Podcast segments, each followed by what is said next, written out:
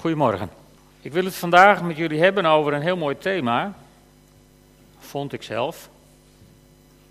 Wacht op kracht. En uh, ik had echt het gevoel dat God dit thema op mijn hart legde. En toen dacht ik, nou, dit is mooi. Nu ga ik een, uh, een preek maken over wonderen en tekenen en prachtige verhalen. En ik weet nu of u enig idee heeft hoe je aan je preek komt, maar toen God begon van ik dacht van niet en me in een hele andere richting leidde, toen vond ik het in het begin helemaal niet zo leuk. Maar eh, ik heb eh, veel geleerd de afgelopen week hieruit. En ik ben aan het ontdekken dat Gods kracht veel meer zichtbaar is in het voortbrengen van de vrucht van de geest dan in een hele hoop andere spectaculaire dingen. Waar we toch vaak geneigd zijn om het eerst te zoeken. Ik ga proberen om dat met jullie te delen. En uh, ik wil eerst met jullie een stuk lezen uit Handelingen 1. Handelingen 1, het verhaal van de hemelvaart en nog wat andere dingen. En Lucas, die heeft Handelingen geschreven. En Lucas begint als volgt. In mijn eerste boek, Theophilus, dat was een of andere waarschijnlijk vooraanstaande persoon in Rome in mijn eerste boek heb ik de daden en het onderricht van Jezus beschreven, vanaf het begin tot aan de dag waarop hij in de hemel werd opgenomen, nadat hij de apostelen die hij door de Heilige Geest had uitgekozen had gezegd wat hun opdracht was. Na zijn lijden en dood heeft hij hun herhaaldelijk bewezen dat hij leefde. Gedurende veertig dagen is hij in hun midden verschenen en sprak hij met hen over het koninkrijk van God. Toen hij eens bij hen was, droeg hij hun op: Ga niet weg uit Jeruzalem, maar blijf wachten tot de belofte van de Vader, waarover jullie van mij gehoord hebben, in vervulling zal gaan. Johannes doopte met water, maar binnenkort worden jullie gedoopt met de Heilige Geest.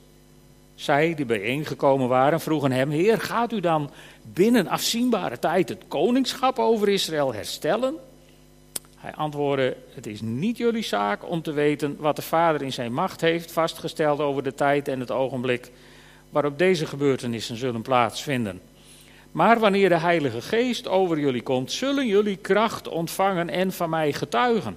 In Jeruzalem, in heel Judea en Samaria, tot aan de uiteinden van de aarde. Toen hij dit gezegd had, werd hij voor hun ogen omhoog geheven en opgenomen in een wolk, zodat ze hem niet meer zagen. Terwijl hij zo van hen wegging en zij nog steeds naar de hemel staarden, stonden er opeens twee mannen in witte gewaren bij hen.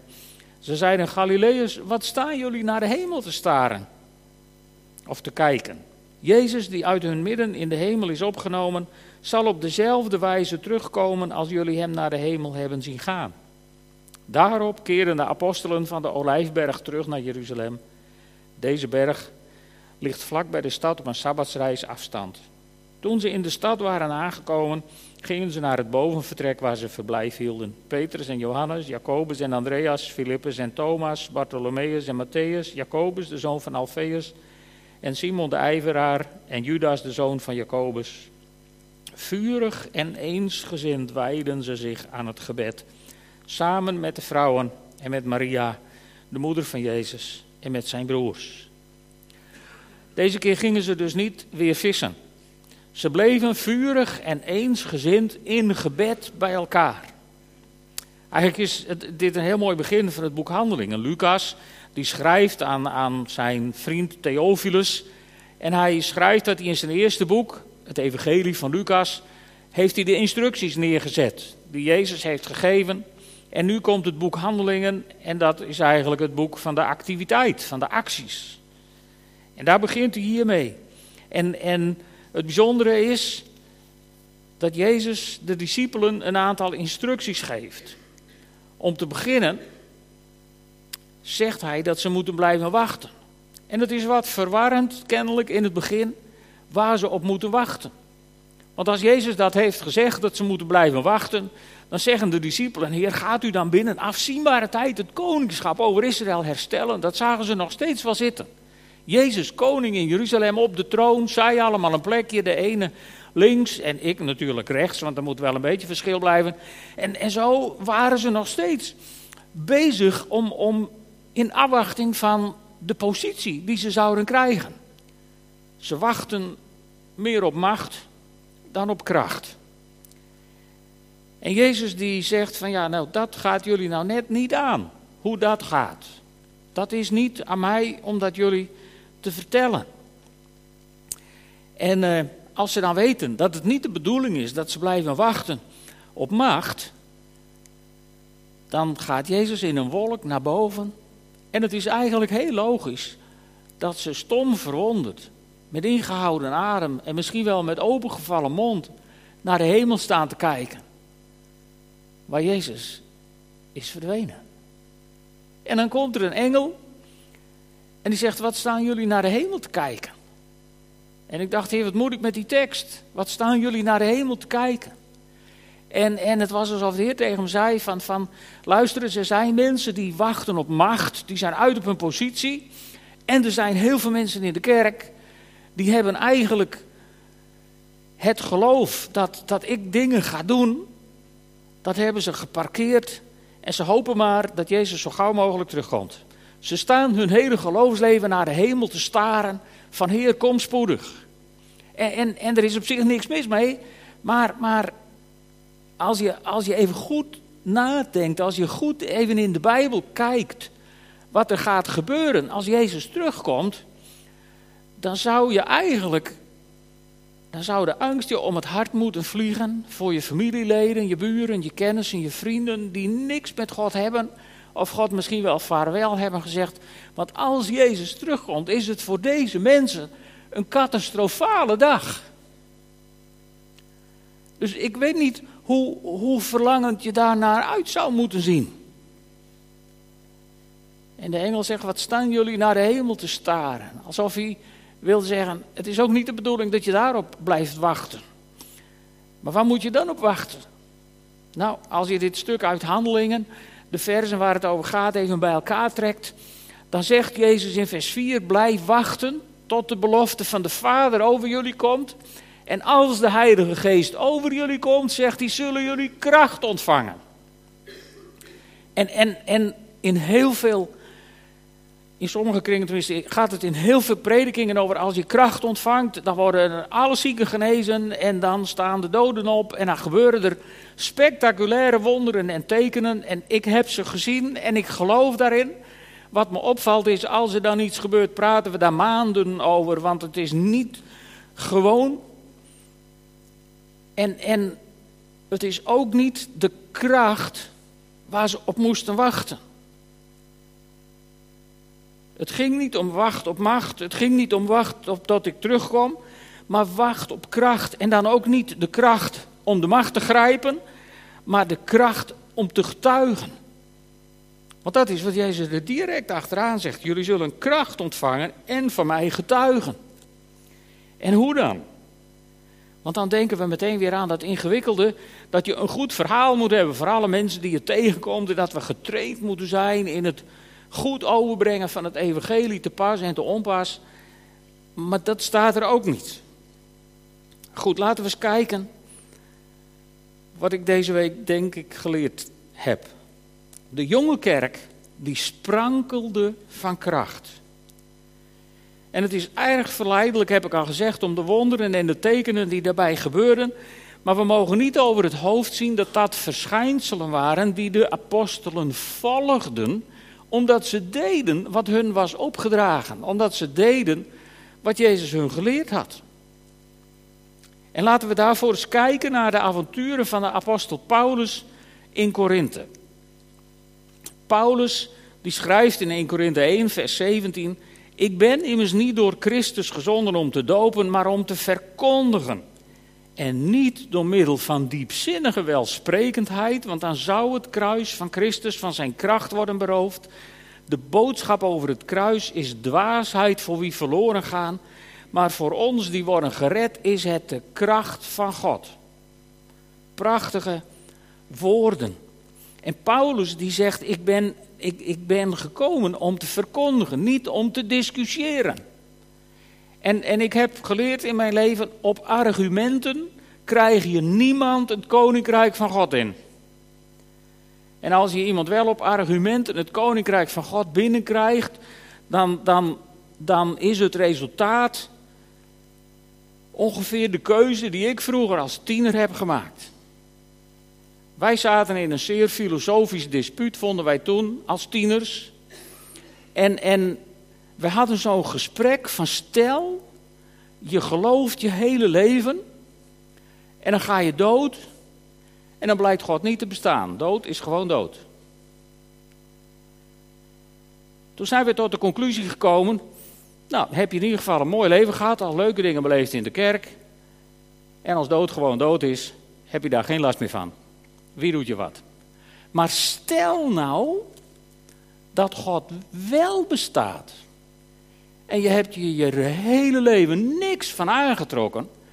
Dan heb je een vet probleem als je doodgaat. Dus hebben we elkaar in de ogen gekeken en gezegd: Nou, weet je wat? Dan besluiten wij vanaf vandaag te geloven. Ja, zo word je op argumenten christen. Tenminste, gelovig. En, en het werkte niks uit in mijn leven. Dat is ook wat Paulus hier zegt. Daarvoor ben ik niet gekomen, want daarmee wordt het kruis van zijn kracht beroofd. En als het kruis in zijn waarde wordt gelaten en, en de kracht er is, daar schrijft Paulus ook over in, in een paar versen verder in 1 Korinthe 2.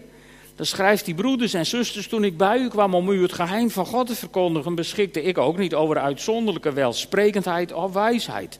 Nou, hij was anders slim genoeg. En dan zegt hij, ik had besloten u geen andere kennis te brengen dan die over Jezus Christus de gekruisigde. Bovendien kwam ik bij u in al mijn zwakheid en was ik angstig en onzeker. Want hij had een heel naar avontuur beleefd in Athene, waar hij met de filosofen in discussie was geweest. En, en dat had hij niet gewonnen op argumenten. Dus Paulus die Logisch dat hij zo komt. En dan zegt hij: De boodschap die ik verkondig overtuigde niet door wijsheid, maar bewees zich door de kracht van de geest. Want uw geloof moest niet op menselijke wijsheid steunen, maar op de kracht van God. Er zijn hele mooie verhalen van, van eh, Charles Finney. Charles Finney, een paar eeuwen geleden, beroemde evangelist. En overal waar hij kwam gebeurde van alles. En als Charles Finney op zijn paard op weg was naar een conferentie in een of andere stad, dan gebeurden de merkwaardige verschijnselen dat als hij langs een dorp reed, waar hij niet heen ging, dat de mensen daar tot bekering kwamen.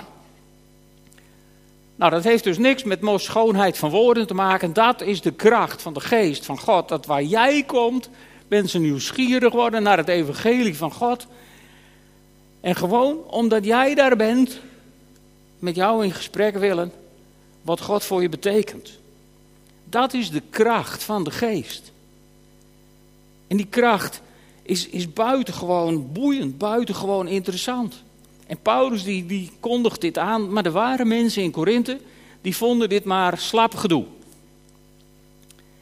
Er waren mensen die prat gingen op hun welsprekendheid, net zoals de Griekse filosofen. En, en daarmee, even tussen deed trots haar intree in de kerk. En plotseling ging het om de macht. En als het om de macht gaat, dan wordt de positie van anderen altijd ter discussie gesteld. Kijk maar even bijvoorbeeld naar de Amerikaanse voorverkiezingen. Dan gaat het, als in de toespraken van de kandidaten, gaat het nergens over. Het gaat alleen maar over de slechte kwaliteiten van die ander. En zo stelden deze mensen in Korinthe zich ook op. Ze vertelden allemaal slechte kwaliteiten van Paulus. En dan schrijft Paulus aan de Korinthiërs: Sommigen van u, zijn we daar al? Nee. Sommigen van u doen alsof ze heel wat zijn, omdat ze denken dat ik toch niet kom. Maar ik zal spoedig naar u toe komen indien de Heer het wil. En dan zal ik wel te weten komen of die opscheppers het bij woorden laten of dat ze werkelijk kracht bezitten. Want het koninkrijk van God bestaat niet uit woorden, maar uit kracht. Wauw. Geen woorden, maar daden. Dus zou je zeggen, het koninkrijk bestaat kennelijk niet uit woorden, maar waar er wel uit. In wonderen en tekenen. Het probleem in Korinthe was niet de wonderen en de tekenen en de manifestaties. Het was juist in Korinthe zo'n zootje, omdat ze prat gingen op al die manifestaties. Ze hadden wedstrijden wie het hardst in tongen kon bidden en allemaal dingen. Dus alle gaven van de geest die waren op alle fronten aanwezig. Het ontbrak de Corinthiërs niet aan dat soort kracht. En toch gaat Paulus daar tegenin, want de, Corinthiërs worden nergens geprezen om die kracht die ze hebben. Ze worden juist aangesproken. En, en wat ik van de week ontdekt heb, voor mezelf tenminste, was dat het, het, het ging niet om die kracht. Het ging om het voortbrengen van de vrucht van de geest. En als je de vrucht van de geest, als je dat stukje leest in Galaten 5, vers 22, dan staat daar: de vrucht van de geest is liefde, blijdschap, vrede, langmoedigheid, vriendelijkheid, goedheid, trouw, zachtmoedigheid en zelfbeheersing. En wat heb je nou nodig voor de vrucht van de geest? Voor de vrucht van de geest heb je de meeste kracht nodig op deze hele aarde. Want weet je, een paard in bedwang houden met teugels en een bit in zijn mond, dat kan iedereen leren. Een schip besturen, een groot schip met een klein roertje, dat kan iedereen leren. Maar jezelf in de hand houden, daar hebben wij allemaal, vanaf de dag dat we geboren worden tot de dag dat we deze aarde verlaten, de handen meer dan vol aan.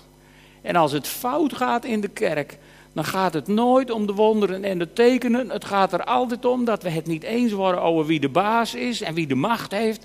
Het gaat erom dat we onszelf niet in de hand hebben. En dat vond ik een hele lastige. Het gaat erom dat je jezelf in de hand hebt en dat de vrucht van de geest in je gaat groeien.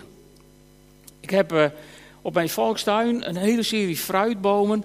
En, en je kunt zien, het, het voortbrengen van de vruchten kost deze boom onnoemelijk veel kracht en energie. Een stukje hout groeien aan die boom, dat gaat nog wel. De blaadjes komen er ook vanzelf aan in het voorjaar. Maar vrucht produceren, dat vraagt heel veel kracht. Heel veel energie. En ook in onze levens is het produceren van de vrucht van de geest, dat vraagt energie. Ik weet niet hoe het met jullie is, maar zelfbeheersing, dat is soms iets dat moet uit je tenen komen. Vooral als mensen je het bloed onder de nagels vandaan halen, dan merk je dat je nog niet zo heel veel zelfbeheersing hebt als dat je altijd meende. En God stuurt af en toe mensen op je weg om daarin geoefend te worden. Dat is lastig. En wat mij dan troost, is dat ook Paulus deze strijd kende. Kijk maar eens even, we gaan weer terug naar de Corinthiërs. Paulus die zegt in 1 Corinthians 9, vers 27: Ik hart mezelf en oefen me in zelfbeheersing. Want ik wil niet aan anderen de spelregels opleggen om uiteindelijk zelf te worden gedisqualificeerd. Ik vind het mooi dat Paulus niet spelregels kwam opleggen. Overigens zo even tussendoor. Maar ook Paulus geeft hier aan. Ik hart me, ik oefen me, ik, ik heb er ook strijd mee. Ik worstel er ook mee. Om mezelf in de hand te hebben. Ook ik worstel met dit probleem. En ik denk, nou, als hij ermee worstelt, dan mag ik dat kennelijk ook nog wel even. En, en dat lijkt ook een beetje op, op wat er staat in Matthäus 7, vers 15 tot 23. In Matthäus 7, vers 15, daar waarschuwt Jezus, pas op voor valse profeten die in schaapskleren op jullie afkomen, maar eigenlijk roofzuchtige wolven zijn. Dit zijn dus de mensen die zijn uit op de macht in plaats van op de kracht. En dan zegt hij in vers 16, aan hun vruchten, opvallend hè, aan hun vruchten zul je ze herkennen. Men plukt toch geen druiven van doornstruiken of vijgen van distels. Zo draagt elke goede boom goede vruchten, maar een slechte boom draagt slechte vruchten. Een goede boom kan geen slechte vruchten dragen, evenmin als een slechte boom goede vruchten kan dragen. Elke boom die geen goede vruchten draagt, wordt omgehakt en in het vuur geworpen. Zo kunnen jullie hen dus aan hun vruchten herkennen. En dan zegt hij een paar hele nare dingen. Dan zegt hij niet iedereen die Heer, Heer tegen me zegt, zal het koninkrijk van de hemel binnengaan. Alleen wie handelt naar de wil van mijn hemelse Vader. En handelen naar de wil van mijn hemelse Vader is het produceren van de vrucht van de geest. En uh, dan zegt hij, op die dag zullen velen tegen mij zeggen, Heer, Heer, hebben wij niet in uw naam geprofiteerd? En hebben wij niet in uw naam demonen uitgedreven? En wij hebben wij niet vele wonderen verricht in uw naam? En dan zal ik hun rechtuit zeggen, ik heb jullie nooit gekend. Weg met jullie wetsverkrachters. Deze mensen die Jezus hier noemt, die ontbrak het niet aan wonderen en tekenen. Maar ze leefden niet naar Gods regels. Ze produceerden niet de vrucht van de geest. Net als de Corinthiërs hadden ze zichzelf niet in de hand. Want dat is wat ik al zei, het moeilijkste in het mensenleven. En daar heb je die kracht van de Heilige Geest voor nodig. Om jezelf in de hand te houden. Als we dat allemaal zouden snappen, zouden er veel minder conflicten zijn. En dan zouden we allemaal ons realiseren van nou, in de hand houden, daar heb ik genoeg aan mezelf. Dan zou ik geen energie meer steken in het in de hand houden van allerhande andere mensen die ik onder controle wil hebben. Weet je, want het gaat niet om de macht, het gaat om de kracht, om jezelf onder controle houden. En dan getuig je door je levensstijl meer dan je met woorden ooit zou kunnen. Dat is een belangrijke. Want die tekenen, waar het telkens over gaat, aan de vrucht zul je ze herkennen, dat heb ik al genoemd. En die tekenen, waar we dan vaak zo, zo, ja, zo nieuwsgierig naar zijn, zo hongerig, ik net zo goed hoor, ik verlang ernaar dat de kracht van God ook zichtbaar wordt op die terreinen. Maar Jezus heeft ons beloofd in, in Marcus 16, de tekenen zullen de gelovigen volgen. En de gelovigen gingen heen en ze preekten het evangelie terwijl de Heer meewerkte en het woord bevestigde door de tekenen die erop volgden. En, en waarom volgden die tekenen? Omdat de apostelen deden wat Jezus zei. Ze waren volop bezig met het produceren van vrucht van de geest. En ze vertelden mensen over de veranderingen die Jezus in hun leven teweeg had gebracht. Ze getuigden overal waar ze kwamen. En de wonderen en de tekenen die kwamen achter hun aan. Want die zijn namelijk van God. Ik word altijd wat allergisch als mensen vinden dat ze allerhande gaven hebben op dat gebied. Volgens mij zijn dit eigendommen van God. Die ze beschikbaar stelt en die ze, die ze doet op plekken waar mensen hem toegewijd volgen. En hun best doen om zichzelf in de hand te houden en vrucht produceren. Die aan de aanwezigheid van de Heilige Geest beantwoordt. En, en je ziet daar een heel mooi voorbeeld van en daar wil ik jullie nog even mee naartoe nemen in 1 Thessalonicenzen 1. Eigenlijk begint Paulus hier een beetje net zoals bij de Corinthiërs. Hij schrijft daar van Paulus, Silvanus en Timotheus aan de gemeente in Thessalonica, die toebehoort aan God de Vader en de Heer Jezus Christus. Genade zij u en vrede. Wij danken God altijd voor u allen. Wij noemen u onophoudelijk in onze gebeden en gedenken dan voor onze God en Vader hoeveel uw geloof tot stand brengt. Hoe krachtig uw liefde is en hoe standvastig u blijft hopen op de komst van Jezus Christus onze Heer. God heeft u lief, broeders en zusters. Wij weten dat Hij u heeft uitgekozen. Onze verkondiging aan u overtuigde, en daar komt hij weer, immers niet alleen door woorden, maar ook door de overweldigende kracht van de Heilige Geest. U weet hoeveel we voor u hebben betekend toen we in uw midden waren. U bent ons nagevolgd en daarmee de Heere onder zware beproevingen. Dus het ging ze niet voor de wind. Let op wat Paulus hier zegt. Onder zware beproevingen hebt u het woord ontvangen met de vreugde van de Heilige Geest.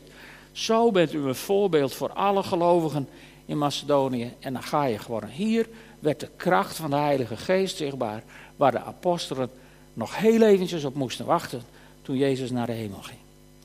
Hier werd het zichtbaar. Niet in allerhande spectaculaire dingen, maar de gemeente in Thessalonica, die werd zwaar vervolgd vanaf dag één. Het werd hun heel moeilijk gemaakt. Het leven werd hun bijna onmogelijk gemaakt omdat ze Jezus wilden volgen. Maar ze ontvingen het woord met de vreugde van de Heilige Geest. En daardoor hebben veel christenvervolgers zich afgevraagd wat het geheim is van die christenen die ondanks vervolging blijmoedig blijven, vriendelijk, niet terugslaan als ze geslagen worden. Dit soort verschijnselen, de vrucht van de geest, is interessant. En wat dat vandaag kan betekenen, dat hebben we gezongen aan het begin van de dienst. Hij heelt je hart, je huilt niet meer. Hij maakt je heel en morgen dans je weer. Zijn dan je omstandigheden morgen anders dan vandaag? Hoogstwaarschijnlijk niet. Maar God heeft wat in je gedaan. God heeft de kracht van de geest in jou laten werken, waardoor je getroost bent, waardoor je bent opgestaan, waardoor je niet meer huilt en morgen weer danst, ondanks de situaties die er misschien in je leven wel zijn. Dat is de kracht. En die kracht is ons deel dankzij de kruisdood, de opstanding en de hemelvaart van onze Heer Jezus. Amen.